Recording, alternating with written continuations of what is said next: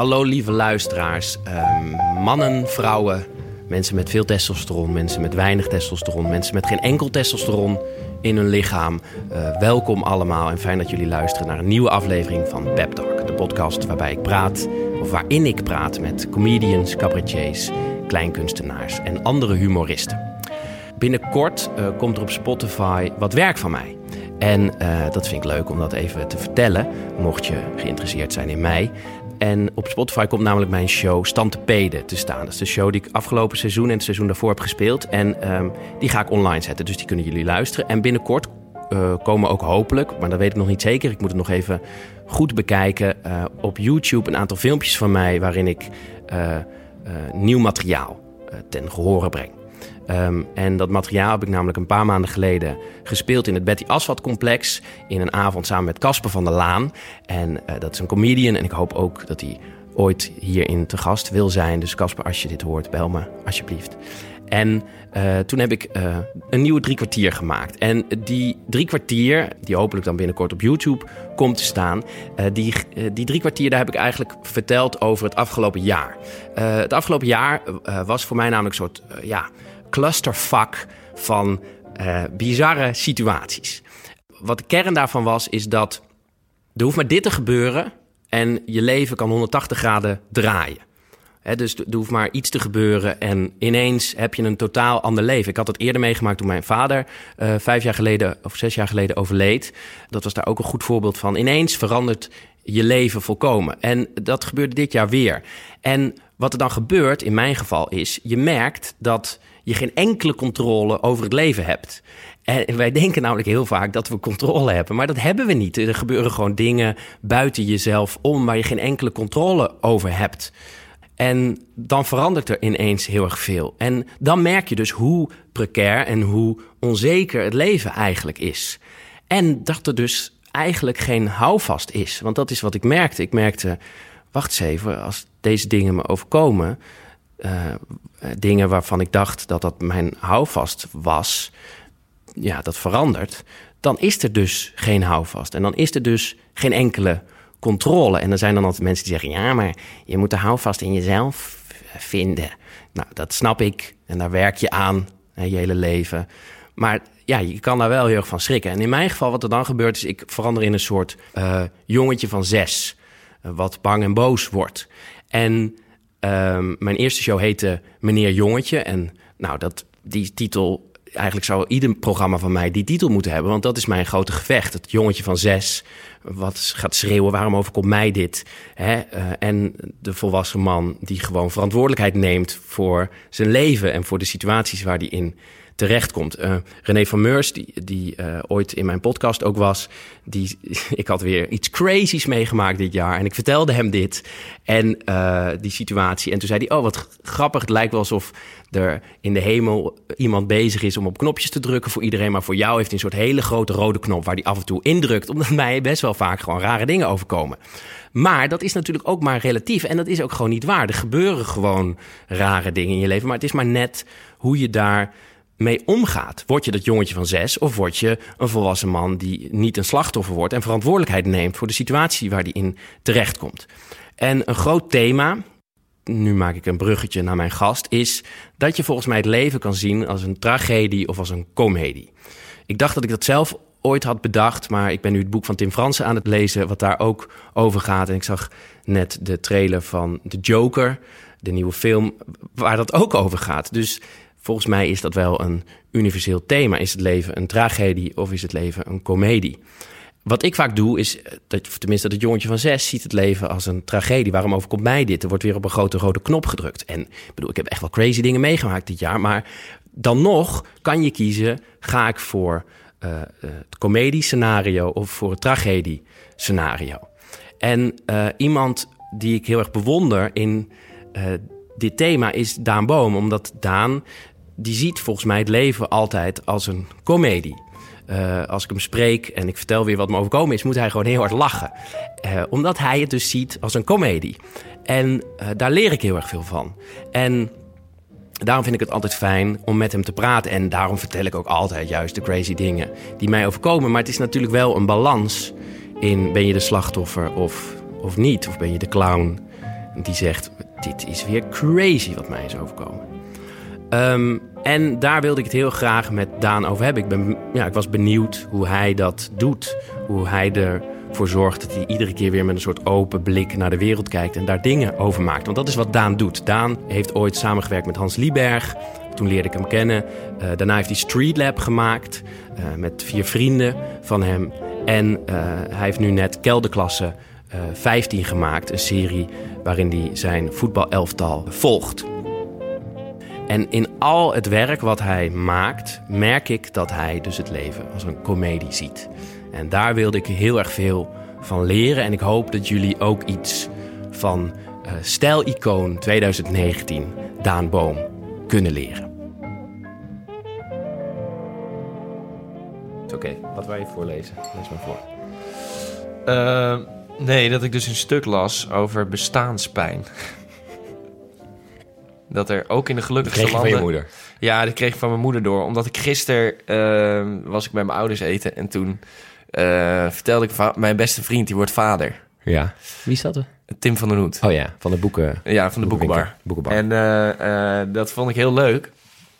En, maar ik schrok er ook heel erg van toen ik het hoorde, want um, ik dacht gewoon van, wow, nu al. Um, doe even rustig aan met het leven gewoon, weet je wel. Van, huh, maar ik ga toch nog... Ik ga toch nog eerst allemaal deze dingen doen en dan... Want je dacht dat jij nu ook moet? Nee, ik dacht gewoon... Hij is mijn beste vriend, dus ik weet gewoon... Wij, wij kennen elkaar vanaf ons zesde. Ja. En wij zijn gewoon met z'n tweeën. En als hij vader wordt, dan is het nooit meer anders daarna. Hij, hij verlaat het team? Nou, nee, weet ik niet. Maar gewoon het leven gaat gewoon te snel. Het klinkt een beetje als een Andrea's tekst. maar maar dat, dat, dat wordt je... Ik heb soms van die... Op een mini-manier ook... Fietste ik laatst door de stad. En toen voelde ik aan de lucht dat het weer lente ging worden. En toen schrok ik daar ook van. Toen dacht ik, huh, het nu al lente? Oh ja? Doe even rustig. Ik, het is toch nog winter? En ik ben helemaal niet voorbereid op de lente nog. Dus dat je zo ineens... Soms er ineens achter komt hoe snel het leven gaat. En bedoel je dan snel in de zin van... Want het wordt ieder jaar lente, hè? Oh. Nee, ja. nee, maar ik snap, ik snap dat, dat als een vriend zegt...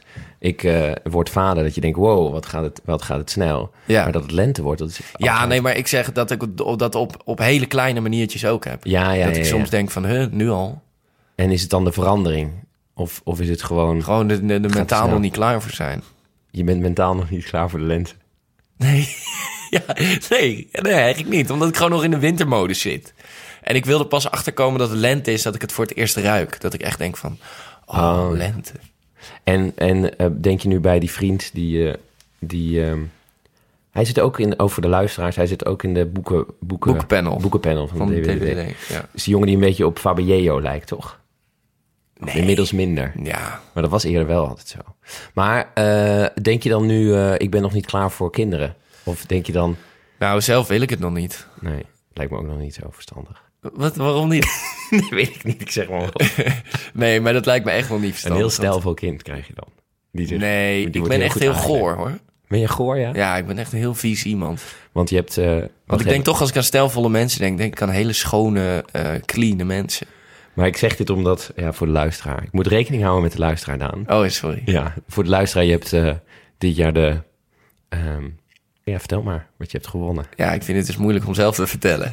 doe Omdat ik het zo pocherig vind. Ik heb, heb de best geklede man award gewonnen. Je bent de best geklede man van Nederland. Ik mag mezelf een jaar lang de best geklede man van Nederland volgens de Esquire noemen. Dus daarom zei ik dat als je een baby krijgt, krijg je een hele Dat ik een stijlvol kind krijg. Wat je over het artikel zeggen? Nee, dat ik, nou, dat ik dat dus eh, las. Wat, ja, maar wat heeft het last- artikel te maken? Want het artikel gaat over levenspijn. Ja, nou, dat, je- dat je soms wordt ingehaald door het leven en Mm. eh, de, de, de eindigheid ervan. En als, je, als jouw beste vriend zegt, ik krijg een kind... dan word je eigenlijk eh, Ja, dan overvalt geconfronteerd met het leven is eindig. Ja, ik ga dood. en- ja, dus nee, een, het een nieuw leven, Ja. een nieuw leven geeft jou het idee, ik ga dood. Nou, het is grappig om te merken dat het, dat het opschuift. Dus als je jong bent, dan heb je alles nog voor de boeg. Ja, Dus dan denk je van, ja, dat komt allemaal wel. En als je dan in één keer zoiets hoort, dan is dat moment er ineens al. Terwijl je Ah. in je hoofd is het nog zo van, dat komt later nog. ja, ja, ja, ja. Daar zijn we nog lang niet. En nu, nu, Maar daar ben je dus al. ja. Ik was gisteren op het filmbal. Ja? Eh, dat is een, een feest met allemaal eh, eh, filmmensen en acteurs. En, en toen sprak ik een vriend van mij en toen zei ik, haat jij hier mensen? en toen zei hij, absoluut. Toen zei hij, jij Ja. ook? Ik zei, ja, absoluut. Er zijn niet echt een paar mensen die ik haat. En toen zei ik, maar er was ooit een tijd dat wij ook naar feestjes gingen. Zo het It's Festival, Ja, gewoon ja. acteursfeestjes. En dat ik dacht, ik vind iedereen hier leuk. ja. Maar waar, waarom is dat dan En dat is weg. nu? Ja, omdat je mensen leert kennen, omdat dromen niet uitkomen, omdat het mensen zijn die je dromen in de weg zitten, omdat je Mensen wijzer wordt. Dus je, je komt achter, wacht eens even, die persoon vind ik helemaal niet zo aardig. En toen dacht ik ook, oh, wat treurig. Je, je, je, er was ooit een tijd dat je onbevangen... Ja. En het, ik zei dat tegen die vriend en toen zei die vriend, oh, ik heb altijd mensen gehaat.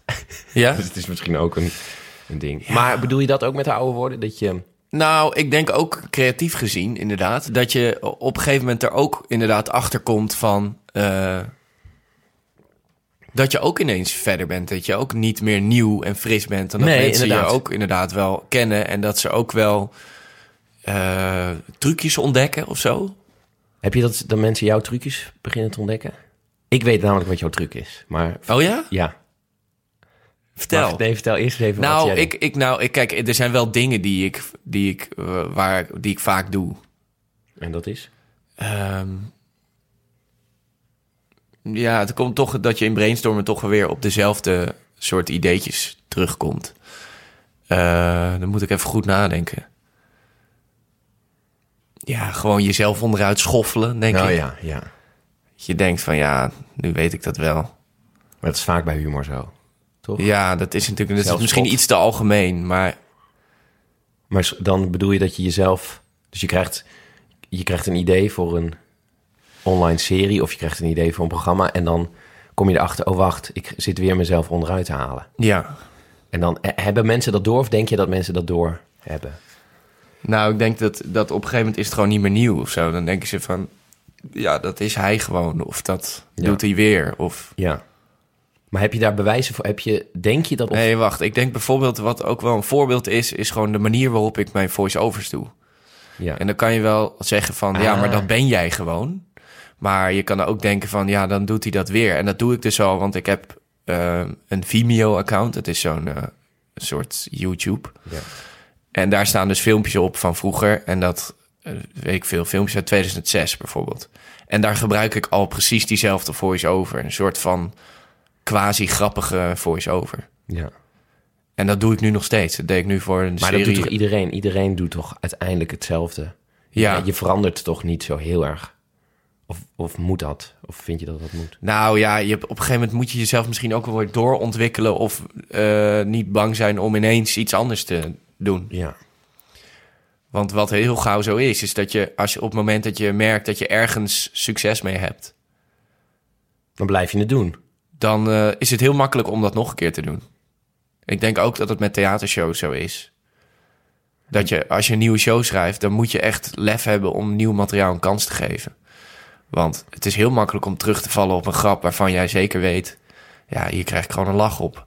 Maar over wat je eerder zei over die voice-over, dat is toon, toch? Dat is een toonding. Mhm. Dus dat is, oh, zie je wel, ik gebruik altijd dezelfde manier of de, dezelfde toon. Terwijl Ja. als je een nieuwe voorstelling maakt, dan, dan hou je je toon, want dat is wie je bent. Alleen verandert het materiaal. Ja, En in jouw geval is het misschien anders, omdat je heel breed bent en veel verschillende dingen doet. Dus je, je materiaal verandert wel. Want eh, Street Lab is iets anders dan ja nee, dat is ook zo. kelderklasse 5. Of kelderklasse hoeveel? Ik wilde klasse 15. 15. Super goede research heb ik gedaan. Ik wilde klasse 5. Nou, mijn research is dat ik je eigenlijk al jaren ken. Ja. Dat is, dat is eh, Ja. eh, wat ik wou zeggen, volgens mij is jouw truc... eh, of wil je, wil je nog iets zeggen? Nee, ik wil dit heel graag horen. Wat ik zo goed aan je vind, altijd, wat, wat ik denk dat jouw truc is... en wat ik, wat ik ook bewonder aan je, is dat jij gewoon heel erg kijkt naar... wat vind ik leuk in mijn leven, of wat doe ik graag. Ja, iedereen, iedereen doet dat natuurlijk altijd, als die maakt, maar jij bent daar goed in, volgens mij. Dus jij zit in een voetbalelftal... En ik heb je al heel vaak gehoord over... ja, dat is, dat is zo grappig wat er allemaal gebeurt. En ook met een soort liefde kijk je daarnaar. En vervolgens ga je een ga je ze gewoon filmen. Ga je gewoon een documentaire maken over die gasten. En hoor ik in je voice-over en hoe je die mensen op beeld zet... eh, de liefde en maar ook de, de grappigheid ervan. Want je, ja, je bent stijlicoon van 2000, maar die, die mannen zijn niet stijliconen. Maar, dus, maar je staat er niet boven. Je vindt het gewoon heel, heel geestig wat, hoe dat werkt en, en wat ze Ja. doen. En het heeft ook een soort treurnis, want ja, het is, en dat is met Street Lab ook. Ik ken jou en, en die andere jongens van in de kroeg. Jullie deden dat altijd al. Zo rock. Ja. paper, scissors. Ja. En dan, ja, je moet, je moet die vrouw... eh, dan moet je een Titanic eh, achter gaan staan. ja, met als, je ja, armen wijd. ja, en dan, ik deed dan wel eens mee en dan durfde ik het niet. en dan jij- moest ik heel veel ja. drinken, omdat dat de straf was. ja, een atje. Volgens mij is dat jouw truc. En ja, maar ik begrijp niet wat, de concrete truc is dan. Nou, dat jij, of nou, ik weet niet of het een truc is, maar het is in ieder geval een manier om, om heel erg te kijken naar wat, eh, eh, wat jij eigenlijk al doet. Dus je, je zit in een Ja, het is nee, ik denk wat mijn truc tot op heden is, is dat, het, dat de dingen die ik heb gemaakt redelijk autobiografisch zijn. Exact. Ja, maar autobiografisch in wat vind ik grappig en wat, Ja. wat doe ik al. Want het Street Lab, ja, ik zat er naar te kijken. Ik dacht, ja, ik ken die jongens niet anders dan dat. Zij doen echt niet hele andere dingen dan Nee. in, de, in de bloemenbar. ja. ja, dat is, In- in dat, is wel, 2012. ja, dat is wel zo. Ja, dus ik ben eigenlijk altijd wel op zoek naar grappige dingen in mijn leven. Ik heb ook een keer over jou een, Ja, een oh, toen ik op de parade stond. Mini-documentaire mini-documentaire gemaakt. gemaakt. Omdat ja, ik heb, altijd, ik heb altijd wel het idee dat een mens bijzondere figuren om zich heen heeft. Ja, En ik heb dat misschien ehm, wat in extreme. Dat voetbalteam voor mij, dat is wel... Omdat het van de origine geen vriendenteam is... ko- komen al die gasten uit alle hoeken. ja, Dus eh, iemand die in een TBS-kliniek werkt... maar ook iemand die eh, gepromoveerd in de natuurkunde. ja. En dat zijn gewoon bijzondere figuren. Dus ik bedenk dat ik altijd wel op zoek ben naar bijzondere figuren om me heen. Of nee, niet dat ik op zoek ben... Maar je weet ze te vinden. Nou, dat ik het zie, dat het me opvalt. Ja. Want jij bent dat ook. Oh ja? Ja. Jij bent, ook wel, jij bent ook wel te karakteriseren of te... Ja. Zeker in die documentaire. En echtheid. Ik denk dat ik ook heel erg op zoek ben naar echtheid. Ja? Ja, In wat je want het is geen fictie. Nee. Het is gewoon... eh, dat zou ik wel willen maken hoor, maar het is wel allemaal echt wat er gebeurt. Ja. En dat vind ik interessanter dan dat wij nu een scriptje gaan schrijven en dat gaan naspelen. Ja. Ja. Dan zou ik het leuk vinden om jou gewoon te gaan volgen. Ja. Dus jij kijkt op, jij, je kijkt gewoon op een bepaalde manier in de wereld, naar de wereld. En die wil je laten zien met de dingen die je Ja, ik maakt. ben wel altijd bezig, en dat vind ik ook wel irritant, met altijd, altijd bezig met, oh, dit zou ik kunnen filmen.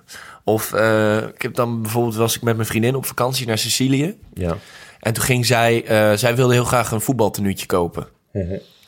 Want het vond ze vet. Van, even kijken, we waren in Catania Ja. op Sicilië. En toen wilde ze een Catania-outfit.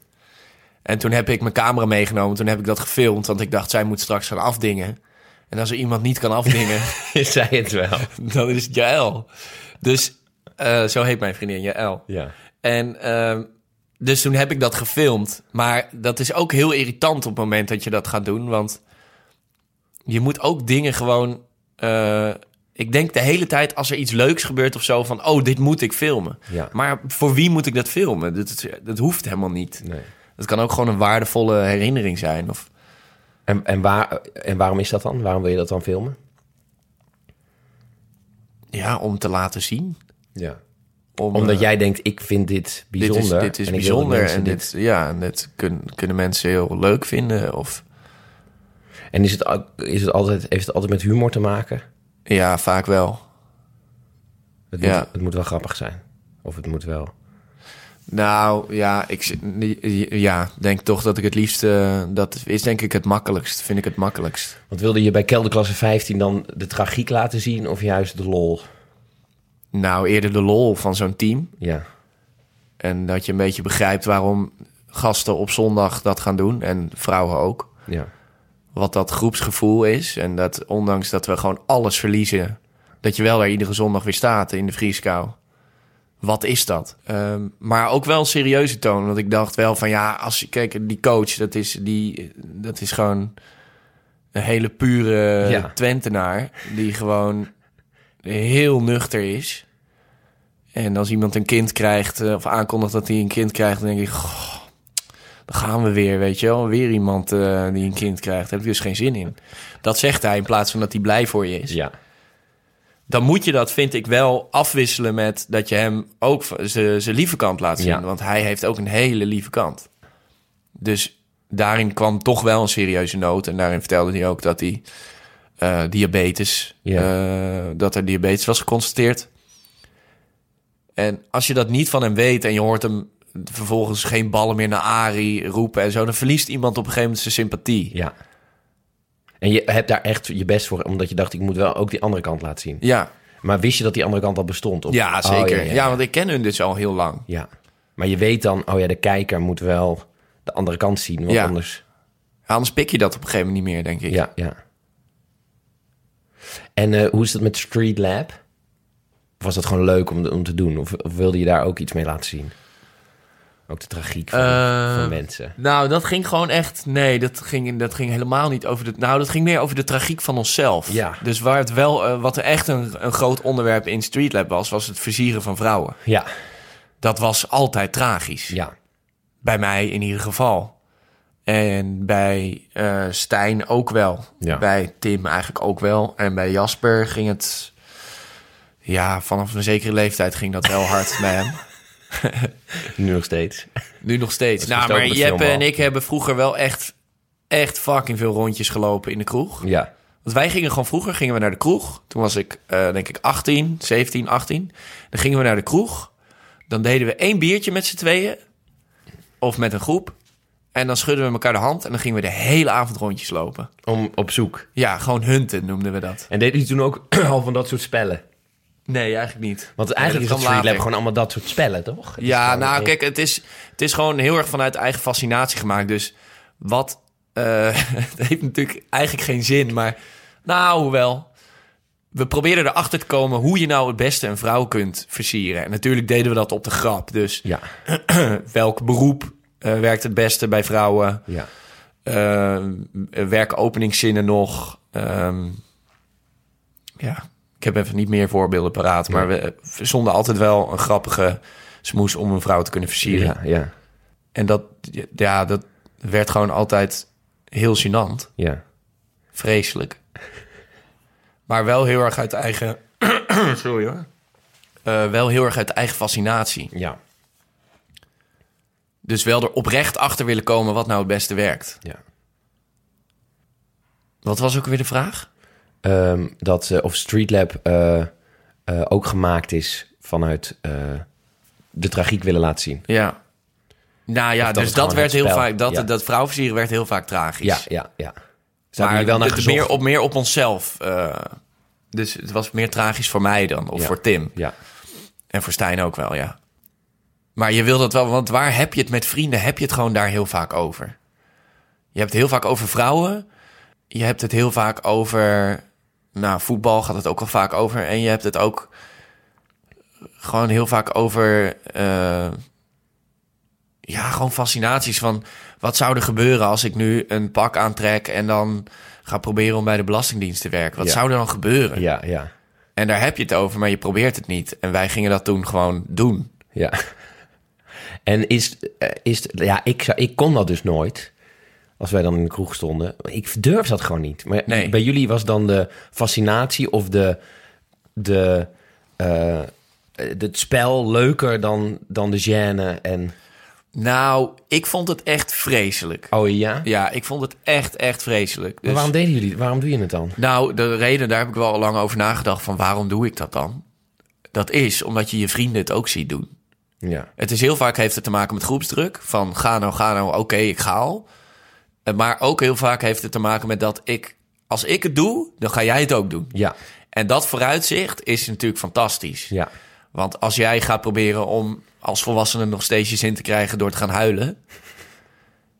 En dan denk je van, nou, dan ga ik dat nu even doen. Maar dan doe jij het daarna ook. Ja, dat is, ik wil dat gewoon, dat zou ik jou echt wel willen zien doen. ja.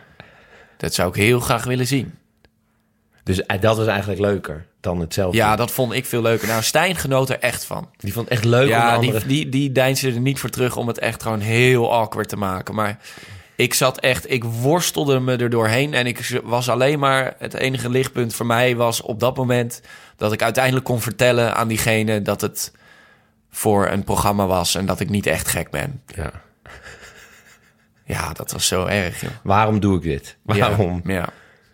Hey, eh, even iets anders. Ehm, hoe, want dat weten mensen niet, volgens mij. Uh, of wil je nog iets over Streetlab zeggen? Of? Nee. Uh, heel erg aan jou laten ook. Ja. dat jij dit gesprek moet doen. Um, uh, wat heel veel mensen niet weten is dat je met Hans Lieberg hebt gewerkt heel ja, lang. Ja, ja, ja. Want toen leerde ik... Nee, ik leerde je daarvoor kennen. Nee, nee tijdens. Tijdens. Je was ja. Hans Lieberg aan het doen. En uh, hoe was dat? Hans Lieberg doen.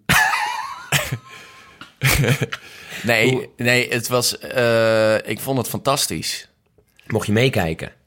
Ja, het was voor mij. Ik heb. Ik heb uh, toen maakte hij ook al kleine documentairetjes. Want ik weet nog een keer, sorry hoor, maar ik weet nog dat je toen in Duitsland heel veel speelde. En ja. dat je toen op een gegeven moment een slager ging zingen in Berlijn, volgens mij. Ja, dat klopt, je dan zo. Ja, ja. En dat had je dan ook al gefilmd. Dat was ook ja, al... dat was die karaoke en jij maakte, uh, in Mauerpark. Maar je hebt gewoon altijd lopen kutten met dingen opnemen en zo. Ja, dus ik was tijdens die tour was ik filmpjes aan het maken. Ja, ja. altijd filmpjes aan het maken. Ben je dan een filmmaker? Vind ja, ik had er laatst hier op jouw verjaardag een gesprek over met... Uh, mijn hele leuke verjaardag. Uh, ja, een hele leuke verjaardag was dat. Heel veel ik had een gesprek over met uh, Leopold Witte. Ja, een bekende Nederlander. Ja. Een bekende Nederlander. En een andere bekende Nederlander, Peter Pannenkoek. Peter Pannenkoek was het ook. Want er zijn allemaal... En de vrouw van Leopold. Vrouw van Leopold. En was dat de vriendin van Peter? Nee, het is een ex. Oh, het is een ex. Oké. Okay. Ja. met die hadden we een gesprek over... Wat ben je?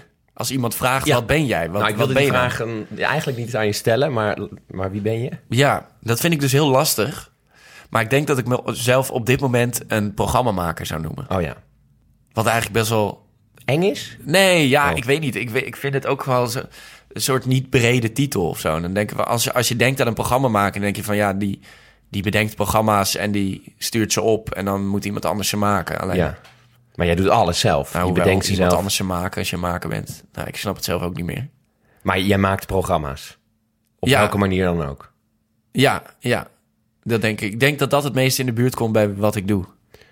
Ik vind het bijvoorbeeld lastig dat je af en toe denkt, maar wie ben ja, dit, dit gesprek, dus wie ben ik? Want jij doet, Ja. ik doe heel verschillende dingen, jij ook. Ja. Het is heel veel verschillende dingen. Ja. Eh, dat, ging daar dat gesprek ook over? Ik, ik heb wel eens dat ik denk, ja, wie, wie ben, wat maak, Ja, wie ben ja, ik nou in godsnaam? Je hebt gewoon mensen die, eh, ik bedoel, Peter Pannenkoek, Ja. eh, die is gewoon comedian. Ja, dat zei hij ook. Hij Oh, zei, ik hij. ben gewoon comedian. Ja, dat is hij van origine. En dat doet hij nu. En alles, ik bedoel, hij presenteert dan af en toe wel, maar dat is allemaal de oorsprong zit in comedian zijn. Ja. Dat lijkt me zo lekker, dat je één ding hebt. Ja, lijkt dat je lekker? Ja, eh, Maar waarom lijkt het je lekker om dat te kunnen zeggen? Nee. Of om dat te kunnen hebben? nee, nee, te kunnen hebben. Want dan heb je gewoon één ding wat je kan doen. En dan, dan als je dan een aanvraag krijgt, of, of je, je kan je gewoon focussen op één ding. En je kan, ja, je weet dan wie je bent. Je weet gewoon als persoon, Ja. ik ben... Peter Pannenkoek kan gewoon zeggen, ik ben als persoon een comedian. Ja. Dat lijkt me lekker dat je dat kan. Ik weet niet of jij, heb jij daar last Maar wat, wat, waar, waarom heb je daar nu moeite mee Dat ik niet weet wie ik ben. Nee, omdat je, omdat het, ja, omdat dat prettig is in je hoofd ook.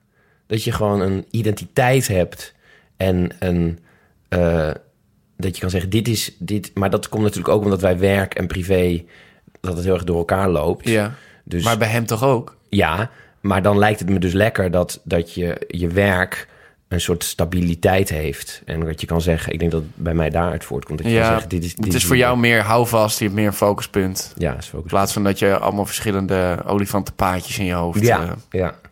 creëert. Aan de andere kant is het natuurlijk ook weer lastig, want als je één ding doet, kan je echt daar echt in mislukken. En dan heb Ja. je niks anders. Nee, dat is eh, denk dat vind ik soms eh, ook. Dat ja. het, het voelt ook soms als veilig. Oh, als ik maar veel verschillende dingen doe, Ja.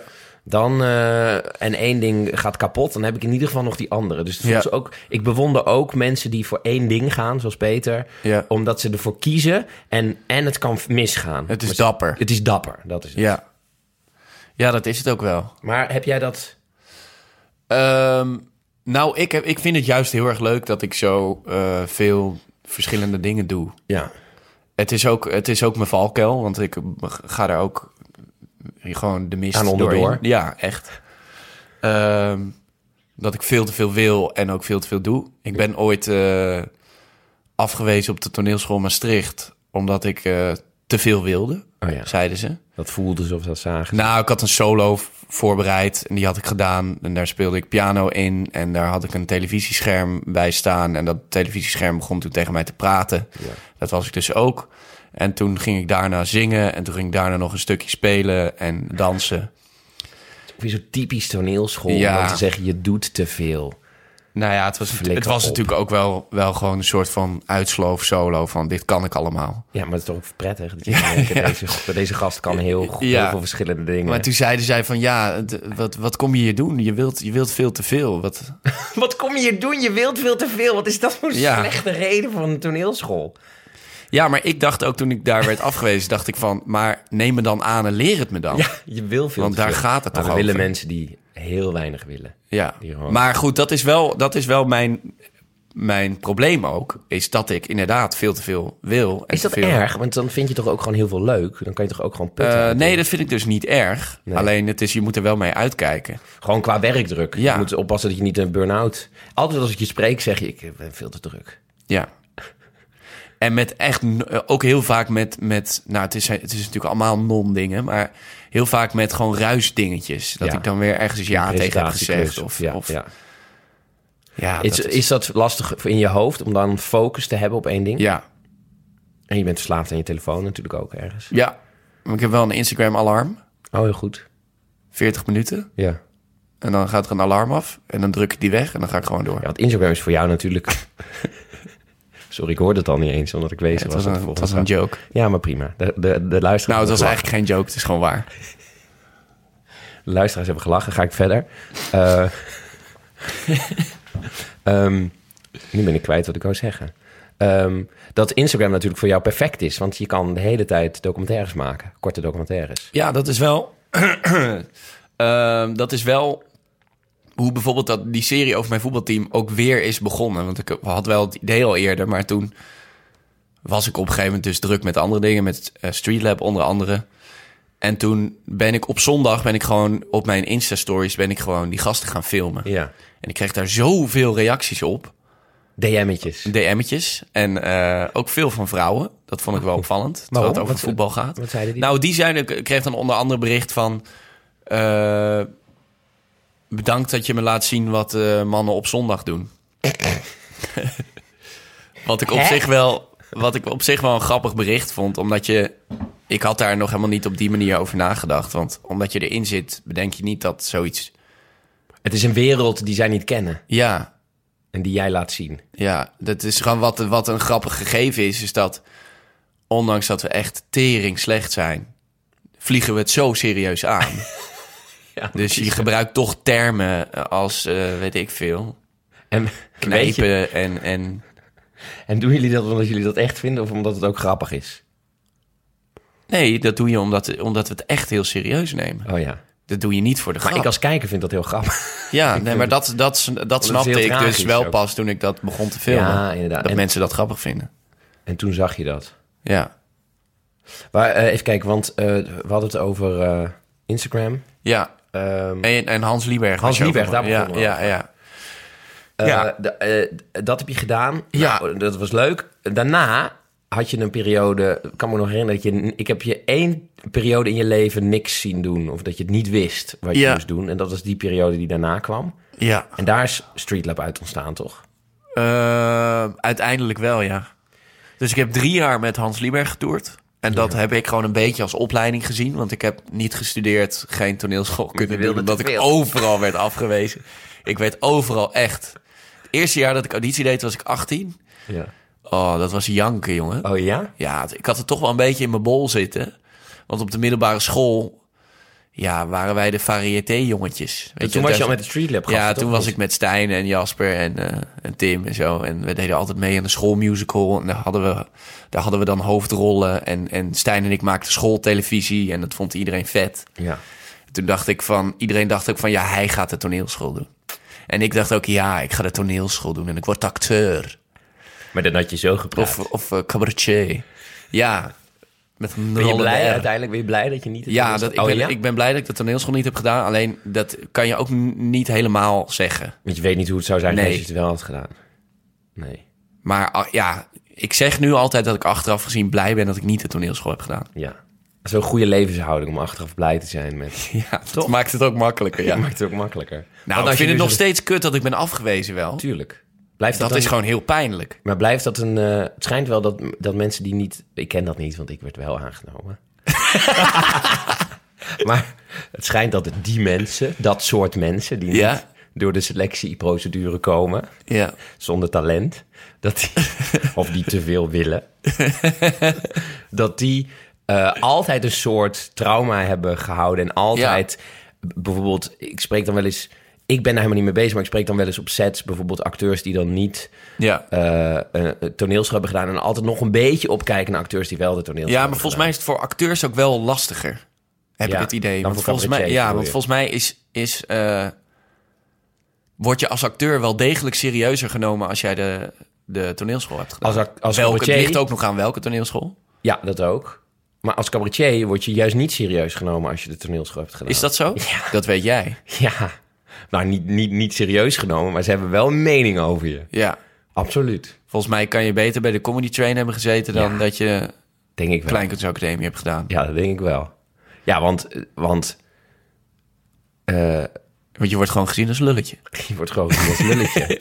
ja, je wordt gewoon gezien als iemand dat als hij op het toneel gaat staan... dat hij dan een rol gaat spelen. En dat is ook vaak Ja, je wordt gewoon gezien als een soort musical. eh. Nou, nee, eerder zo. Nee, het heeft met concentratie te maken. Je leert een andere soort vorm van Oh, concentratie. Op de toneelschool leer je je, je heel erg ja, op een andere manier concentreren... dan, dan als, je, als je bij Comedy Train zit. Wat heb ik gemist aan de toneelschool?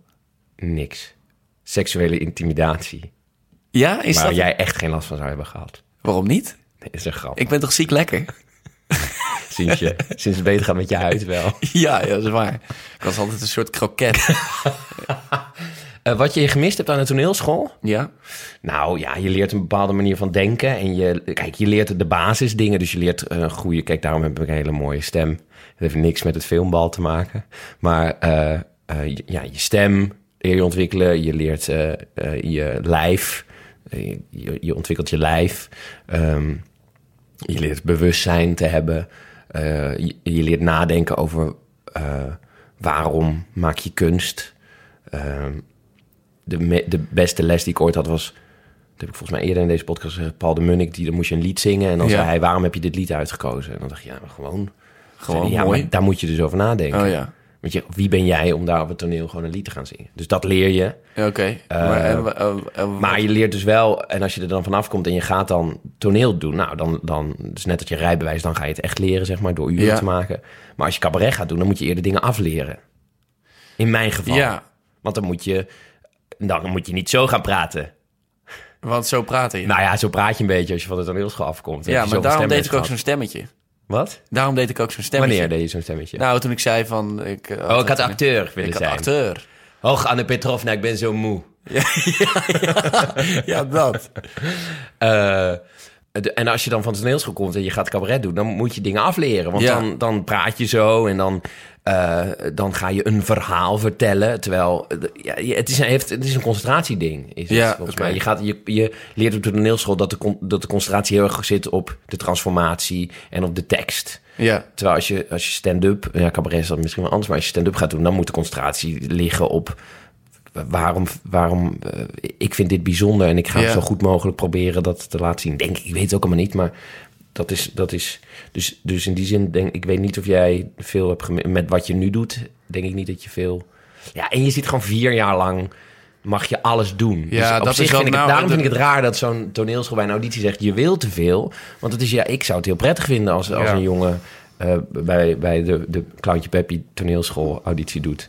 En, eh, en, Ja. en wil alles. Denk ik, ja, wat goed. Want we gaan nu ook vier jaar lang alles doen. Nou, dat was ook wel de echte reden waarom ik de toneelschool wilde doen. Is om mezelf vier jaar lang te kunnen ontwikkelen. Ja, En ik dacht ook al van ja, ik kan ook bij Van der Valk blijven werken en in mijn vrije tijd lessen gaan nemen. Ja. Maar dat doe je niet. nee. En heeft, heb, heeft, heb je toen, even om weer terug te komen op... hoe heet hij? Ehm, Hans Lieberg? Hans Lieberg. Eh, daar heb je dus geleerd. Ja, Wat heb je daar geleerd? eh, om op het podium te staan. Oh ja, bewustzijn te hebben. Daarvan. Om of- het, eh, waarom maak ik kunst? Nee, nee. Eh, nee, dat soort vragen heb ik me allemaal niet afgevraagd. Eh, of die heb ik mezelf niet gesteld. Maar ik, wat ik ervan heb geleerd is ehm, eh, ja, podiumervaring. Ik heb, mocht met hem meeschrijven aan die show. Ja. Dus, en, en de discipline, want hij haalde de discipline gewoon helemaal uit zichzelf. Ja. En hij ging gewoon elke dag eh, van 10 tot 1 schrijven. Ja. Ehm, dus elke dag ging ik met hem schrijven. Of nou ja, vijf dagen in de week dan. Mhm. Heel veel eh, muziek. Eh, ben ik heel veel muziekkennis opgedaan. Want hij is muziekwetenschapper. ja. Hij heeft ook geen toneelschool gedaan. Ook een trauma? Nee, dat niet, want hij heeft geen auditie gedaan. Oh. Ehm, ja, het tourleven. Ja. Eh, ik heb Duitsland leren kennen. Ik heb Duits geleerd. Ja. Mooie taal. Niet echt. Leuk- Ehm, leuke mensen. Ja, wat heb ik verder geleerd? Om, om eenzelfde voorstelling 300 keer te spelen. Ja. En toen? Ik vind het genoeg geweest. En toen? Ja, ik vind het ook wel. en, Ehm, en toen ging je... eh, ja, toen... Nee, toen ging ik daar weg omdat... ik- toen was je in paniek. Ja, nee, niet echt. Nog niet. Want ik ging daar weg omdat ik... Jasper belde mij op een gegeven moment op. Jasper van Streetlab. En die belde mij op een gegeven moment op. En die zei... Er is een oproepje voorbij gekomen. Ja. En dat gaat over ons gewoon. Ze waren op zoek naar eh, vier vrienden. Oh, van de Heineken voor was dat een, toch? eh, of zo? voor een Bavaria. Bavaria. Ze waren op zoek- Heel lekker merk. Ja. Lekker bier. Oh, zo lekker bier. Lekker Brabants. Ehm, ze waren op zoek naar vier vrienden voor een dagelijks televisieprogramma. Ja.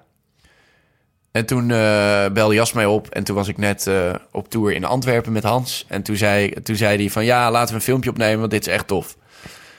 En toen dacht ik van... Ja, oké. eh, ik heb niet echt tijd, maar oké. Dus toen belde ik Stijn op. Toen zei ik... Ja, ik kom vanavond bij jou een filmpje opnemen. En Stijn die vroeg niet eens wat het was. Die zei gewoon... Ja, oké, is goed. Toen hebben we een filmpje opgenomen. En toen... Denk twee dagen later werden we gelijk gebeld door productiemaatschappij CCCP. En die zeiden van, we willen met jullie praten. En toen zaten we daar met z'n vieren. En toen zei Matthias Schut, zei... Nou, dit talent heb ik in tien jaar niet voorbij zien Oh, komen. En die zei gelijk allemaal grote dingen... waardoor wij echt dachten van... wow, wat, wat krijgen we nou, joh? En die zei, ik wil dit... Wat voor filmpje hadden jullie toen gemaakt? Was het al een beetje... Ja, het heette Kopje Suiker. Ja. En we gingen eh, kijken wat voor spullen je allemaal bij je buren kon lenen. Oh ja. Of je gewoon echt extreme spullen kon lenen bij je buren. Wat op zich best geinig idee is. En eh, ja, wat voor filmpje was het? Eh, Jasper ging spullen bij zijn opa lenen omdat zijn buren niet open deden. En Stijn die ging, eh, die woonde in zijn studentenflat. Dus die ging bij al zijn buren aanbellen. En die ging gewoon heel brutaal allemaal spullen jatten. Ja. En nou, was best geinig. Ja. Ehm, en toen gingen we dat programma voor Veronica maken. En toen stopte dat ineens. En toen? Eh, ja, een jaartje geheld, denk ik. Oh ja? Nou, Nou, ik weet wel dat je toen echt dacht... ik weet niet wat ik met mijn leven ja, moet. nee, ik wist inderdaad gewoon niet wat ik met mijn leven moest.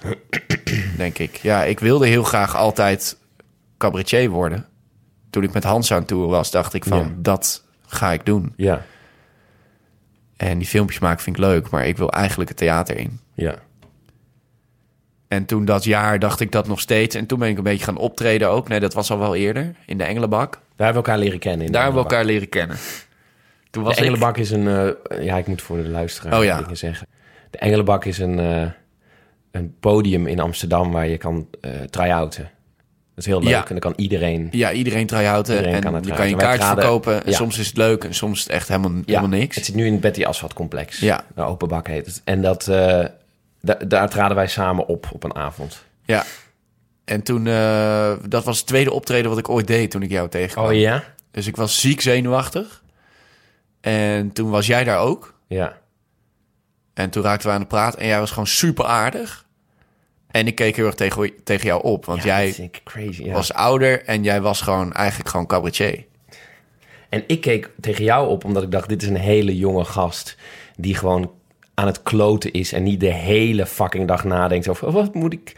Maar misschien deed je dat ook wel. Maar ik dacht, oh, dit is iemand die. Maar dat denk ik bij iedereen, volgens mij. Ja. Dit is iemand die gewoon lekker aankloot en onbevangen is. Dat, dat sprak Ja. me aan in jou. Geinig. En toen gingen we tongen. Ja, toen, ik wou net precies hetzelfde zeggen. En toen wordt het leuk. Maar, ehm, eh, want die onbevangenheid, oh, dat wou ik nog zeggen, die onbevangenheid dan moet je straks verder vertellen hoe je s- er bij Streetlight kan. Maar die onbevangenheid, die heb je nog steeds, toch? Ja, luisteren mensen nog, denk je, of niet? Het is niet al een I don't care. I don't care ja. of ze luisteren of niet. Eh, of wel, want dan Ja, ik- blijf kan luisteren. ik geld verdienen. Ja. Alsjeblieft, blijf luisteren. Ehm, nee, eh, ehm, ben, je nog, ben je nog steeds zo die onbevangen gast? Ja, ik denk van wel, maar die... nee, ja, nee, nee, eigenlijk niet, nee? nee, niet meer. Niet wel. In nieuwe dingen die ik bedenk wel. Alleen, ik ben me wel heel erg bewust geworden van eh, wat ik zeg. Ja, Of wat ik, ik, pro, ik weeg mijn woorden heel erg af. Omdat ik heel erg bang ben om eh, arrogant gevonden te worden, Oh, ja? bijvoorbeeld. Ja. Dus ik heb in gesprekken met mensen... eh, ben ik heel bang dat ik het te lang over mezelf heb. Dus ik vind dit bijvoorbeeld ook best wel ongemakkelijk. Oh, dit ja? hele interview, omdat ik... maar niemand Eh, luistert dus. Nee, niemand luistert nu toch meer. Dus dat maakt ook niet meer uit. Nee. Maar ik ben wel bang dat ik te veel over mezelf lul. Wat grappig. Eh, Is, dat een gezond ding? Nee, denk het niet. Ik denk dat ik daar wel minder over Je na moet denken. helemaal niet veel over jezelf, vind ik altijd. In... Nou, kijk, het is wat, wat mensen die, je, die jou ergens van kennen, of op verjaardagen of zo. eh, Weten mensen, eh, als die mensen weten wat je doet, dan is het een heel makkelijk onderwerp. Ja, Dus dan zeggen ze: Hey, hoe gaat het met Streetlab? Of gaan jullie nog filmpjes maken met Streetlab? Of zo. En dan ga je daarover praten. En dan wordt dat al gauw, gaan mensen doorvragen. En dan ben je gewoon heel lang over jezelf aan het vertellen. ja. Maar die mensen vragen er toch naar en vinden het ook leuk om het over Ja, klopt. Alleen ik, ik kap mezelf heel vaak in een gesprek, midden in, in, in, in mijn verhaal, kap ik mezelf af om te vragen: hoe is het eigenlijk met jou? Of, Ja. of wat doe jij eigenlijk? Of Maar dat is, dat is in privésfeer. Maar hoe, hoe ben je op werkvel, werkvlak of professioneel? Hoe, hoe ben je, daar, ben je daar? Daar ben je toch nog wel die onbevangen gast die denkt... hey, Ja. leuk, eh, kelderklasse 15 laten we... Ja. Wat de fuck, ik neem het gewoon op. Nou, ik heb dat denk ik weer een beetje teruggevonden sinds eh, kelderklasse. Oh ja. Want ik, bij Streetlab gingen we op een gegeven moment, werd dat een succes. En toen werden ons steeds nieuwe seizoenen aangeboden. Dus van, oh ja, het gaat goed, nieuw seizoen. Ja, oké, is goed, gaan we doen. Oh ja, het gaat nog steeds goed, maar jullie, worden wel veel, veel herkend. Dus eh, nu een buitenlandse serie. buitenland, Oh ja, ja, gaan we gelijk doen. Ehm, dus we, wij pakten alles aan wat we kregen aangeboden. Maar er was niemand van ons vieren die dacht van... hé, hey, maar zullen we niet gewoon even een half jaar gewoon even rustig aan doen? Ja, Wat we gewoon sowieso hadden moeten doen. ja. Want we vielen alle vier uit elkaar. En de een op een mentaal gebied en de ander fysiek. Ik scheurde uit elkaar. Jij bent een kroket. Ik werd een kroket. Ik ben twee keer in het ziekenhuis beland Ja. ook daardoor. En dat achteraf gezien heeft dat gewoon één op één met stress te maken. Gewoon veel te lang doorgaan. En, eh, Omdat die onbevangenheid leuk is voor het begin. Maar op een gegeven moment... ja, maar op een gegeven moment probeer je het succes hoog te houden. Ja. Want mensen zeggen dat is leuk en dat moet je kijken. En dat is, eh, En Street komt niet meer terug, toch? Dat, dat is een... nou, dat is niet waar. Oh. Oké, hebben we hier een primeur? Ja, je hebt Komt wel dit op nu.nl? Ja, dit komt wel op Komt dit nu.nl. op nu.nl? Oh, yes. Ja. Streetlab komt terug. Ja? Nou, Streetlab komt terug. Nee, we, kijk, we zijn in, in de basis zijn, is Streetlab zijn gewoon vier vrienden. Ja. En er is nu een tijdje geen camera bij geweest. En we gaan dan bijvoorbeeld met elkaar op vakantie. Alleen dan zonder camera een keer. Dat is ook wel lekker. Ja. Ehm, en uiteindelijk is Stijn heeft, eh, eigenlijk heeft Stijn de stekker eruit getrokken, omdat hij eh, hij was gewoon dat is heel dapper geweest, want we stonden op het punt om een nieuw seizoen te maken. Sterker nog, daar waren we al mee bezig. Ja. Toen heeft hij gezegd: ik, eh, ik ga het niet doen. Nee. Ik ben doodop. Ja. Eigenlijk heel slim. Ja. Wijs. Want hij zei gewoon, ik... Ik, ik, kan het niet. Nee, nee. En dan zou het ook niet goed zijn geworden natuurlijk. Nee, zeker niet. Als hij was doorgegaan, dan was het vroeg, of laat wel een keer geklapt. Ja.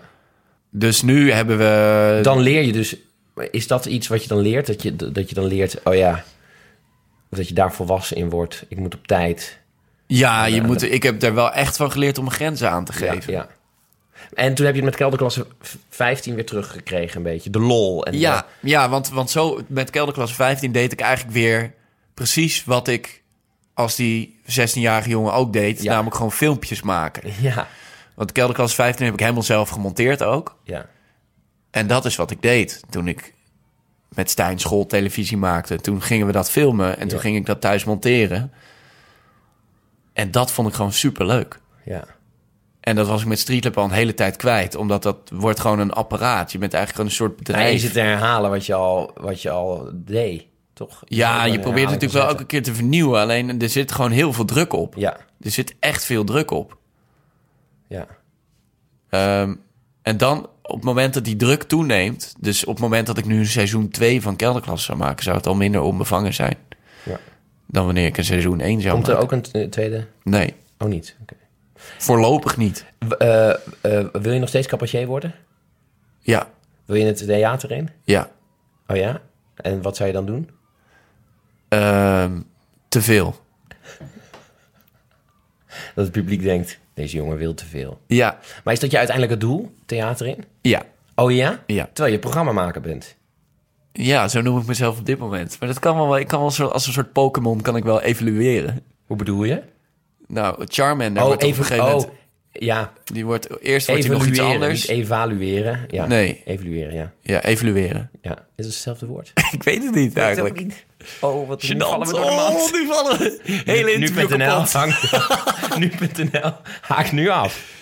Dat, ben, dat, dat is ook wel, je bent ook wel bang. Ben jij nooit bang om door de mand te vallen? Dat mensen denken van, huh? oh, maar nu heb ik je. Je bent eigenlijk helemaal niet grappig. Of ik dat wel eens heb? Ja? Je kent me toch? Ja. Of ik, is dat nou een serieuze vraag? Ja, Meneer de interviewer? Weet ik ook. Of ik doe de man? hey, ehm, ja, wat ga je dan maken? Wat is je uiteindelijke doel? Cabaretier, Cabaretier, nou, nee, ja, theater in. Dat is ga wel een natuurlijk doel. een documentaire van maken, hoe, hoe dat tot stand komt.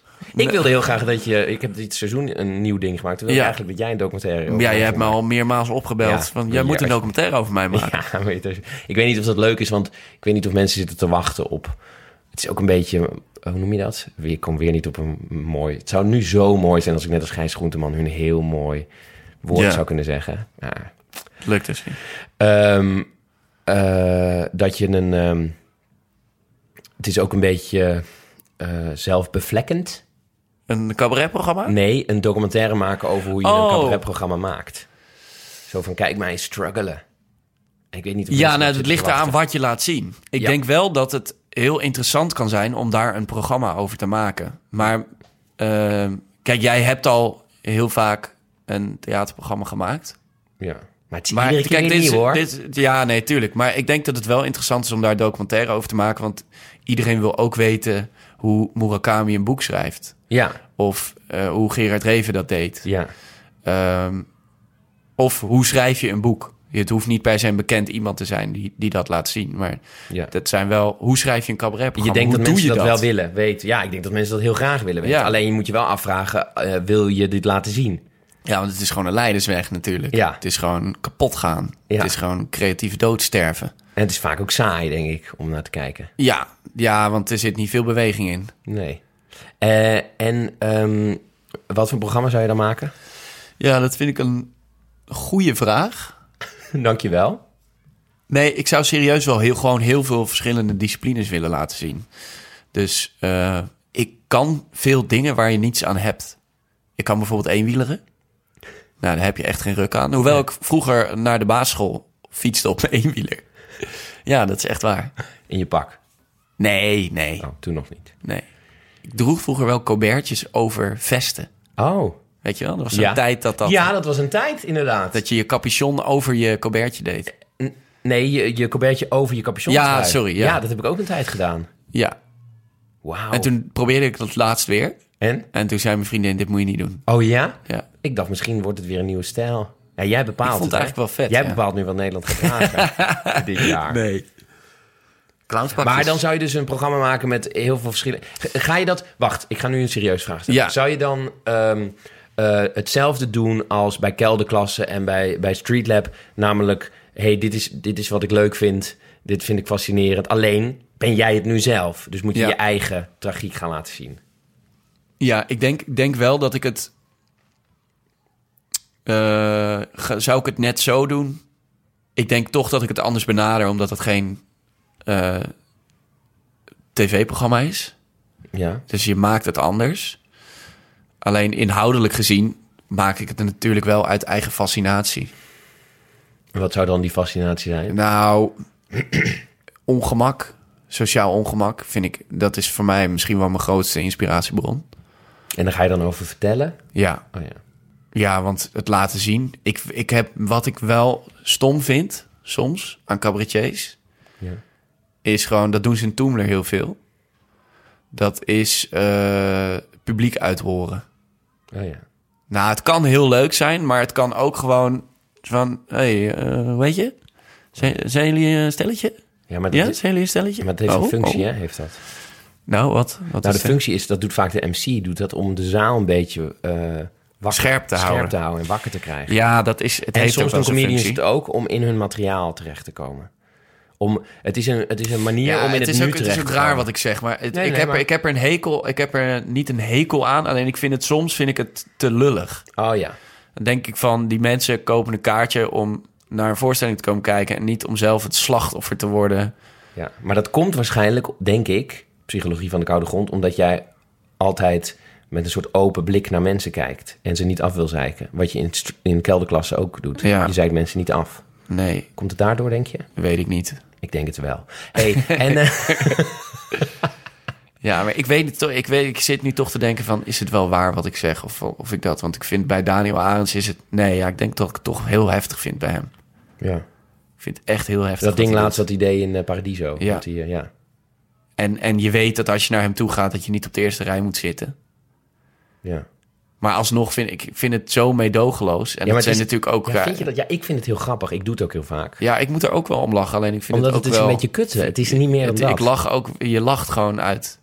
Maar het is toch hetzelfde als wat wij nu ook doen? Hoe bedoel je? Nou, het is gewoon een beetje spelen. Het is spelen met je publiek. Het is gewoon steekjes uitdelen. Ja, En, en, en ik ben de baas. Dus, en dat is ook fijn, want de regel is... ik deel de ste- steekjes uit, ik krijg ze niet terug. ja, Het is een beetje spelen. Ja. Ik denk dat het echt slap is wat ik net heb gezegd. Dat weet ik niet. Nee, waarom? Je vindt het, je vindt het ongemakkelijk. Nou, ik weet niet of ik het nou echt vind of niet. Ik, ik heb, er zijn gewoon... Nou, je voelt er iets bij en je voelt Ja. dat je het niet prettig vindt. Ja, Eh, is het niet omdat, omdat jij, nou wat ik net zei, omdat, je, omdat jij met zo'n soort open blik naar mensen kijkt en, en de, je wil ook de tragiek laten zien. Wat je net zei over je coach aan het begin. Ja. Dat je, je wil ook de tragiek laten zien. En als je met het publiek gaat, hé, hey, wat doe jij? Dan laat je niet de tragiek zien, dan laat je alleen maar de lulligheid zien. En, niet, en je laat niet zien dat iemand ook gewoon echt ergens mee zit. ja. Komt het niet daaruit voort? Nou, misschien wel, omdat het misschien is het ergens oneerlijk. Want- Tuurlijk is het oneerlijk, want jij bent de baas. Ja, dus je geeft zo iemand ook niet echt een kans. Je weet gewoon dat als jou de vraag gesteld wordt... oh, wat doe je in je dagelijks leven? Of zijn jullie een stelletje? Dat je gewoon kapot gemaakt gaat worden. Ja. Je kan geen enkel antwoord geven... waardoor de cabaretier ineens met zijn bek vol tanden staat. Nee. Maar de denkt- taak van de cabaretier is om te zorgen dat diegene niet huilend wegloopt. Maar dat het een... Nou, Daniel Arends doet aardig zijn best. Ja, maar die mensen lopen niet huilend weg. Nee, Dus die weten dat de code is... De code is gewoon, hij meent het niet. weet ik niet. Ja, dat is de code. Want anders zouden ze huilend weglopen. Ja, oké. Wat misschien gebeurt, ik weet het niet. Ja. Misschien ga ik hem ooit interviewen. Maar Ja. eh, dat, is de, dat is de code. Ja. Wat ik nog wilde vragen is dat... eh, misschien... Ik zoek de hele tijd naar een soort grote verbanden. Ja. Dat doe je als interviewer automati- automatisch volgens mij. Maar ik, wij hebben vaak gesprekken over dat eh, ik dan heb opgetreden en dan spreek ik je en dan eh, zeg je hoe was het? Dan zeg ik nou ik had weer iemand op de eerste, ik had weer een, eh, iemand van 15 op de eerste rij die moest heel hard gapen en Ja. iedereen hoorde dat. En dan moet jij heel hard lachen. Nou, dan Nou ja, want ik moest ook lachen omdat jij er wat van zei. Oh ja, ik zei Jij iets zei van. ook van, ik, Ik ho- hoor je gewoon gapen. Ik hoor je gapen en iedereen hoort het. Ja, en dat vind ik heel grappig. Ja. Eh, wat trouwens ook met publiek is, maar goed, dan begint het publiek. Ja, maar Dat ik zeg ook niet dat je niet met het publiek mag praten. Alleen ik vind het wel... Ik vind dan gewoon dat het een leuk gesprek moet zijn. Ja. Wil je dat in je voorstelling dan mijden? Want je begon daarover. Nee, nee, nee, ik het over niet mijden, zeker niet. Nee, ik, nee. Wil, ik wil een interactieve... Oh ja. sfeer Maar dan op creëren. een, niet op een Daniel Arends manier, maar Nee. op een Daan Boom manier. Ja, ik vind wel dat het, dat, dat, dat het gewoon... Ik weet niet, ik eh, ik vind het nog lastig om te zeggen. Maar ik, ik denk dat het gewoon... Ik vind het belangrijk dat het leuk is. Ja. Ik ben benieuwd als je het ooit gaat maken. Hoe, want ik denk, wat gaat gebeuren, en dat heb ik zelf ook meegemaakt, het wordt een wedstrijd. Tussen? tussen jou en het publiek. En jou en degene die je aanspreekt. Eh, Dus, dus je gaat... Wat is de wedst- waar gaat Ja, die je gaat wedstrijd over automatisch. dan? Nou, je gaat automatisch. Ja, god. eh, je gaat automatisch toch een grap maken. En die gaat ten koste van diegene in het publiek. En dat kan een hele harde grap zijn. Of een, of een lieve kleine grap. Maar het gaat ten koste van die persoon. Ja. Of het gaat ten koste van jezelf. Dat probeer ik vaak te doen. ja, dat heb ik liever. Ik heb liever dat je jezelf kapot maakt Ja, dan... toen die jongen bijvoorbeeld gaapte, dan... Nou ja, het is anders. Kijk, als zo'n jongen gaapt op de eerste rij... dan is het jij of ik. Dan Ja, is het gewoon, ja, jij maakt mijn show kapot, dan ga ik jou kapot. Ik had laatst een vrouw die Ik- nee, op ik de eerste denk- rij jonge denk- jongen zei... toen ik een grap maakte. Die, die zei echt zo, jonge jongen. En toen dacht ik, oké, nu is het oorlog. Want nu, nu maak je... Nu in, eh, interrumpeer je mijn show. En, je, en, nu, en, en ik moest wel, want het hele publiek hoorde jonge jongen. Dus ik moest bewijzen, nee, ik ben niet Oh, even, ja. En ik heb weinig testosteron, maar dan... Dan, eh, Gaat die aan. dan gaat je borst Wat wil je net zeggen? Je wou iets zeggen? Ik denk, wat ik daarover denk, is wat ik bijvoorbeeld, denk ik, de manier waarop ik, denk ik, zou proberen te doen, is dat je een vraag neerlegt. Ja. Ehm, als je bijvoorbeeld zegt, wat voor houding neem ik nu aan? Ja. En iemand in het publiek roept iets, dan is dat zijn keuze om iets te roepen, of haar keuze. Ja. En dan, ja, dan mag je daar de dialoog mee aangaan. En dan, als iemand iets heel doms roept, dan hoort het publiek dat ook wel. Dan wordt er vanzelf gelachen, denk ik. Ja. Dus dan heb je het, denk ik, dan, dan is het anders. Dan is de situatie anders. Dus dat zou je dan in je toekomstige show doen. Ja, Op die manier met het Ja. publiek. maar ik weet het niet. Ik denk dat ik een gevaarlijk pad heb bewandeld. Door dit te zeggen? Gewoon door eh, eh, af te geven op cabaretiers die mensen uit het publiek pakken. Hm, Waarom? Omdat ik onervaren ben. Dus ik weet niet hoe dat... Misschien ga ik het zelf ook wel doen. Ja, maar je mag toch hiermee... Ja, en dan, en dan Ja. zit je hier over een jaar en dan zeg je... Ja. Want dat vind ik wel... Dit is een totale andere discussie. We gaan echt van de hak op de tak. Maar ik vind wat je nu benoemt... Dat mag gewoon. Ja, ja. En dat is in deze tijd echt kwalijk. De, ik was naar Aziz Ansari afgelopen Oh, ja. week in de AVAS Live... en die had het hierover. Die zei... eh, of, of nee, hij had het erover dat hij bepaalde scènes in, eh, in een serie die hij had gemaakt... daarvan zou hij nu zeggen, ja, die zou ik nu nooit meer maken. Maar toen wel. Ben ik dan nu een slecht mens? Nee, ik ben juist een goed mens, omdat ik er nu achter kom... hé, hey, wacht, wat ik toen zei, dat klopt niet. Ja. Dus en is, in deze tijd is het zo.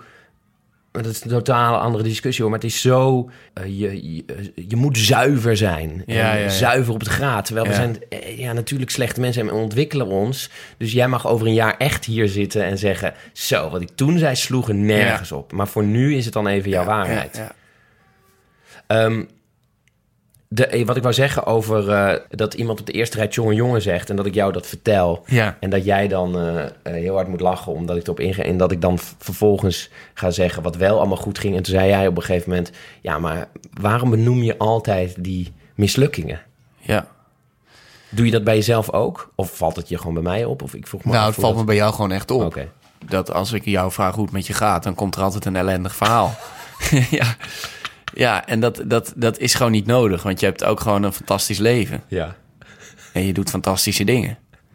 En toch, op een of andere manier weet jij altijd... Die, die puber op het eerste rij te benoemen, die moest ja, gapen. nee, ja, maar daar moet ik heel erg om lachen. Maar Ja. ik bedoel... Maar is het zo dat je...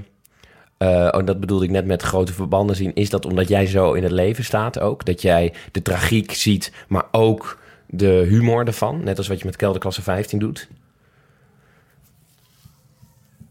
Ehm, nog één keer de vraag? Nou, wat je dan op zo'n moment tegen mij zegt... Ja.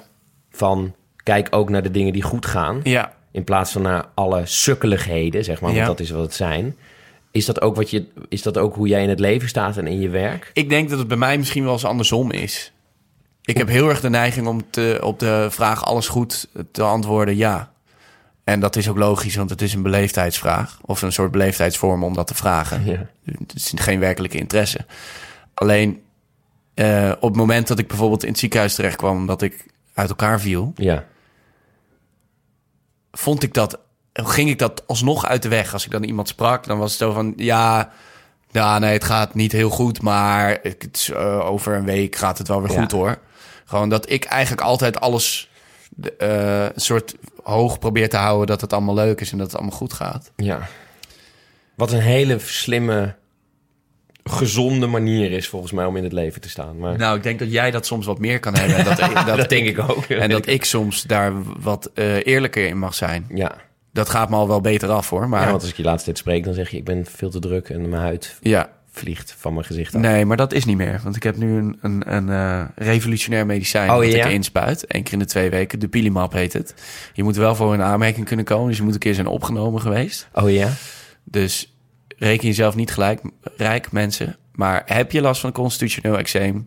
Ga naar het UMC in Utrecht. Voor de Pielemap. Dupilimap. Dupilimap. Ja. Jammer dat ze niet de sponsor zijn. Anders hadden we nu geld verdiend. Ja. Eh, nou, zijn jouw sponsor eigenlijk. Nee, maar ik denk inderdaad dat ik het een beetje de andere kant op heb. Dus dat eh, ik wel vaak zeg dat het gewoon goed gaat. Ja. Terwijl het soms helemaal niet heel goed gaat. En dat jij eh, de negatieve verhalen eruit pikt. Ja, ook omdat... En kijk, als ik jou spreek, wil ik je toch aan het lachen maken. En de, de grap zit toch in dat iemand op de eerste rij... Ja, dat iemand op de eerste rij moest gapen. Ja, ik vind het toch grappig. Ja. Eh, ja, want voor de rest kan je wel vertellen wat er allemaal grappig was in je show. Maar dat is gewoon je show. Ja, en, en dit, is, dit is iets wat er gebeurde. Nee, maar daar moet ik ook heel erg om lachen. Maar het gaat ook niet per se om dat er iemand ging gapen. Nee, maar het- ik zeg dit ook omdat... eh, en nogmaals, ik probeer dan een verband te leggen. Maar ehm, als mij iets overkomt... Ja. Iets, weer iets crazies, omdat God weer op een rode knop heeft Ja, lopen ja, drukken. ja. Waar bepijnlijk Clowntje staat. Peppy. Clowntje Peppy, die overkomt weer even iets. Ja. Wat best wel uniek is. Dan ben jij vaak degene die dan zegt... maar het is ook heel grappig wat je overkomt. Ja. Ja, alleen het is wel grappig in perspectief. Dus als jij alleen maar dit soort verhalen vertelt, dan wordt het zielig. Ja, Maar als je dit afwisselt en dan eh, met leuke dingen die wel goed zijn gegaan, en je vertelt in een uitverkocht carré dat er iemand ging gapen een keer. ja, dan Nee. ja, maar ik, ik bedoel, dan, dan ja. Nee, maar het heeft te maken met een levenshouding. Ja. Hoe je in het leven staat. En ik denk ook dat je niet altijd moet denken van... oh, dat moet mij juist weer Ja, overkomen. dat zeker. Ja, ja, ja. Waarom ik? Heb je dat met je huid? Dat je Nee. denkt, waarom heb ik... Nee. Nee, je accepteert dat gewoon. Nou, ik heb gewoon heel lang gedaan alsof het er niet is. Oh ja, Totdat ik dus eh, echt tegen de lamp liep. ja.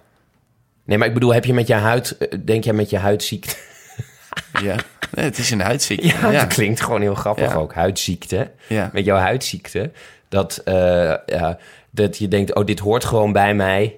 Of waarom overkomt mij dit? Nee, dat heb ik dus niet. Nee, ik heb, dat denk ik dus niet. Nee. Van waarom overkomt mij dit nou weer? Ik denk, ik, ik heb het en ik ga mijn leven er niet door laten verpesten. Nee. Maar daarom, omdat ik dat dacht, heb ik er niet genoeg aandacht aan besteed. Ah, ja, ja, ja. Want eh, ik heb astma en ik heb eh, constitutioneel eczeem. Maar als je daar geen, als je doet alsof het er niet is, Dan wordt het erger. dan gaat het op een gegeven moment erger worden en dan kan je niet meer negeren dat het er is. Ja, ja, En dat is dus gebeurd. ja. En toen realiseerde ik, toen is mij ook pas verteld in het ziekenhuis, en ik werd opgenomen van, je huid is je grootste orgaan wat je hebt eigenlijk. En als het daar niet goed mee gaat, dan ben je gewoon niet gezond. Ja, En toen realiseerde ik me wel van, ja, jullie hebben gewoon gelijk. ja, En ik heb iedere keer mijn ogen ervoor gesloten. ja, En oh, ik ben als een soort wandelende kroket doorgegaan met werken. Maar ja. Oké.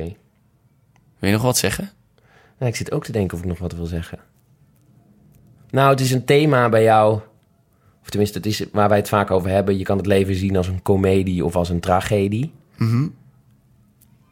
En ik probeer het als een komedie te zien, omdat ik neig naar een tragedie. En jij vindt altijd een goede balans daartussen, heb ik het idee. Jij kan het dramatische goed afwisselen met het... eh, Ja, ik zie gewoon heel vaak filmpjes van jou... en dat jij gewoon heel hard moet lachen om dingen. Jij, jij kijkt gewoon met een hele Ja, komische blik naar de wereld. Jij vindt gewoon heel veel dingen heel snel grappig en, en interessant en leuk. en leuk. Zo'n Tobias, die eh, influencer vriend van je. Ja, Dat komt ook een beetje voort. Ja, ja, dat is, vond ik ook, daar wilde ik ook nog... hebben. Jij gaat met een groep vrienden naar Lowlands... en je ziet dat één vriend het afschuwelijk vindt. En jij denkt, dit is interessant. Hier Ja. moet ik een camera op zetten. ja, klopt. Dat is wel een goed voorbeeld. Omdat jij zijn tragedie ziet als een komedie. Ja, klopt. Want zijn tragedie is, ik haat Ja, het was van tevoren al, want ik had hem overgehaald toen hij dronken was om een kaartje te kopen. En Tobias is de grootste estate die ik ken. Dus Ja. alles is mooi, moet mooi zijn in zijn leven. En hij wil, twijfelt of hij wel kinderen wilt, omdat hij bang is dat zijn kinderen lelijk worden. Ehm, en hij is extreem op hygiëne. Ja, En wat ik altijd echt heel ergelijk vind, is op het moment dat Lowlands is in Ja. Nederland, dan is iedereen daar, heb ik het idee. Want heel social media staat ermee vol. Mee vol. ja, En waar ik sowieso ook al een hekel aan heb, is als mensen plaatsnamen als een persoon of plekken als een persoon eh, noemen. ja, Lowlands, wat ben je geweldig. Dat vind ik echt zo vreselijk. ja. Uh, en ik dacht gewoon, ik moest, zo, ik moest al lachen bij het idee dat hij op Lowlands rondloopt. Want Lowlands is ook gewoon de hel. ja. Het is fantastisch, maar het Maar is je- ook vreselijk. Ja, maar je moet je eraan overgeven. Ja, je dat is het. Want je is- staat allemaal hutje-mutje Ja. op, met elkaar op je een komt gewoon natter de douche uit dan dat je erin ja, ging. het is een modder, modderveld en het is, er ligt pis en kak. Ja. Omdat mensen gewoon op elkaar stand schijten en pissen. En mensen zijn eh, gewoon in het openbaar GHB aan het gebruiken en aan het snuiven en bier aan het drinken en schreeuwen en het is nooit stil. Ja. En dat slik je allemaal, omdat, niet de drugs bedoel ik, ehm, dat, omdat, omdat je, het is gewoon een fantastisch festival. ja, En dus iedereen sluit zijn ogen voor, voordat het vreselijk is. Maar daarom dacht ik, dat gaat Tobias niet lukken. Dus dat wordt natuurlijk hilarisch. dat wist je al van tevoren. Ja, Ja. Nou ja, het is gewoon grappig dat jij de tragiek van hem grappig weet te maken. En hij weet het natuurlijk zelf ook. Dat het ja ik, maar ik weet het niet grappig te maken. Het, ik, ik- het is gewoon grappig. Ja, Ja, maar het is wel de manier hoe jij ernaar kijkt. ik Jij leg het vast. Jij legt Ja. het vast. Maar ik denk dat het met jou ook heel grappig gaat kunnen zijn op Lowlands. Ik, ik ben een keer in mijn eentje naar Want jij Lowlands bent toch ook een soort, soort bejaarde in een jonge mannenlichaam? Ja, dat is wel... nou, de eerste keer dat ik naar Lowlands ging, ging ik alleen. Ja. Eh, waarom, weet Dat is niemand. echt kut. Ja, maar toen durfde ik dat. En eh, toen ging ik alleen naar Lowlands en toen dacht ik, wat is dit voor iets afschuwelijks? Je raakt de hele tijd mensen kwijt. Mensen zeggen, we gaan naar dat concert en halverwege ben je ze kwijt. Je gaat, Ja. het was toen heel warm en ik kwam echt natter de douche uit van het zweet dan dat ik erin ging. Ja. Omdat die douches allemaal verschrikkelijk... Ik vond het, e- en toen belde ik een vriend en die zei, je moet je eraan overgeven en dan wordt het leuk. Ja. Dus, dus ik vind inmiddels Lowlands wel leuk. Ja. Ik ben ook best wel vaak geweest. Ehm, maar ik denk, wat, wat ik ook wel denk, is dat mensen bij jou, omdat jij zo. ehm, eh, eh, jouw blik is. Mensen gaan volgens mij hebben, omdat jij veel lacht om mensen. Ja. En omdat jij aangaat van mensen en je aandacht aan ze besteedt. Als je iets maakt van, met ze, gaan mensen ook open. En gaan mensen ook. eh, Zo'n Tobias, die gaat ook doorhebben. Oh, dit is grappig. Want Ja. Daan vindt het Ja. grappig. En gaat daarin verder. Ja, ik denk Ik dat denk dat daarin ook de Kelder- truc is. De truc is ook vooral omdat mensen... Kijk, als ik jou zou filmen, dan heb jij een gesprek met mij.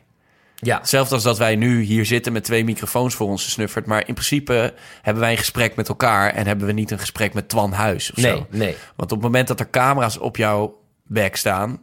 met mensen die jij niet kent... dan word je automatisch televisiepepijn. Ja, Dus je wordt net iets anders. ja, Alleen wat het verschil is, is dat omdat ik het met mensen doe... die sowieso al in mijn leven zitten... ja.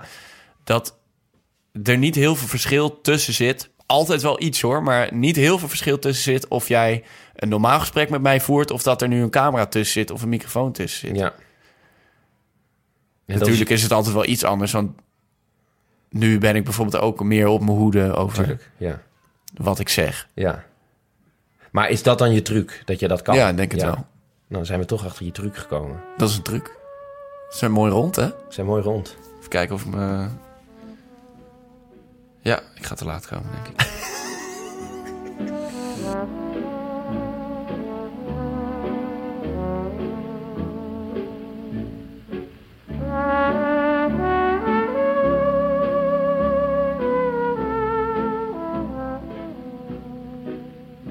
Lieve luisteraars, dit was mijn gesprek met Daan Boom. Jullie kunnen nog stemmen. Dat zou ik heel erg fijn vinden. Eh, op eh, www.podcastawards.nl. En dan kan je eh, invullen dat je Pep Talk heel erg leuk vindt. En bij de URL kan je dan invullen www.pepijnschoneveld.nl slash podcast. Dat zou ik heel fijn vinden, want ja, dan win je prijzen. En dan word je gelukkig. Je kan ook sterren geven. Deze podcast kan je beoordelen. Eh, je kan recensies schrijven. En wil je je bemoeien met deze podcast, dan kan dat ook. Eh, je kan naar www.pepijnschoneveld.nl en dan kan je het contactformulier invullen. En dan krijg ik een mailtje in mijn inbox. Ehm, dank jullie wel voor het luisteren. Eh, ik ga niet meer zeggen wie mijn volgende gast wordt, want dat blijkt toch nooit uit te komen. Dus tot de volgende keer, hopelijk. Daag.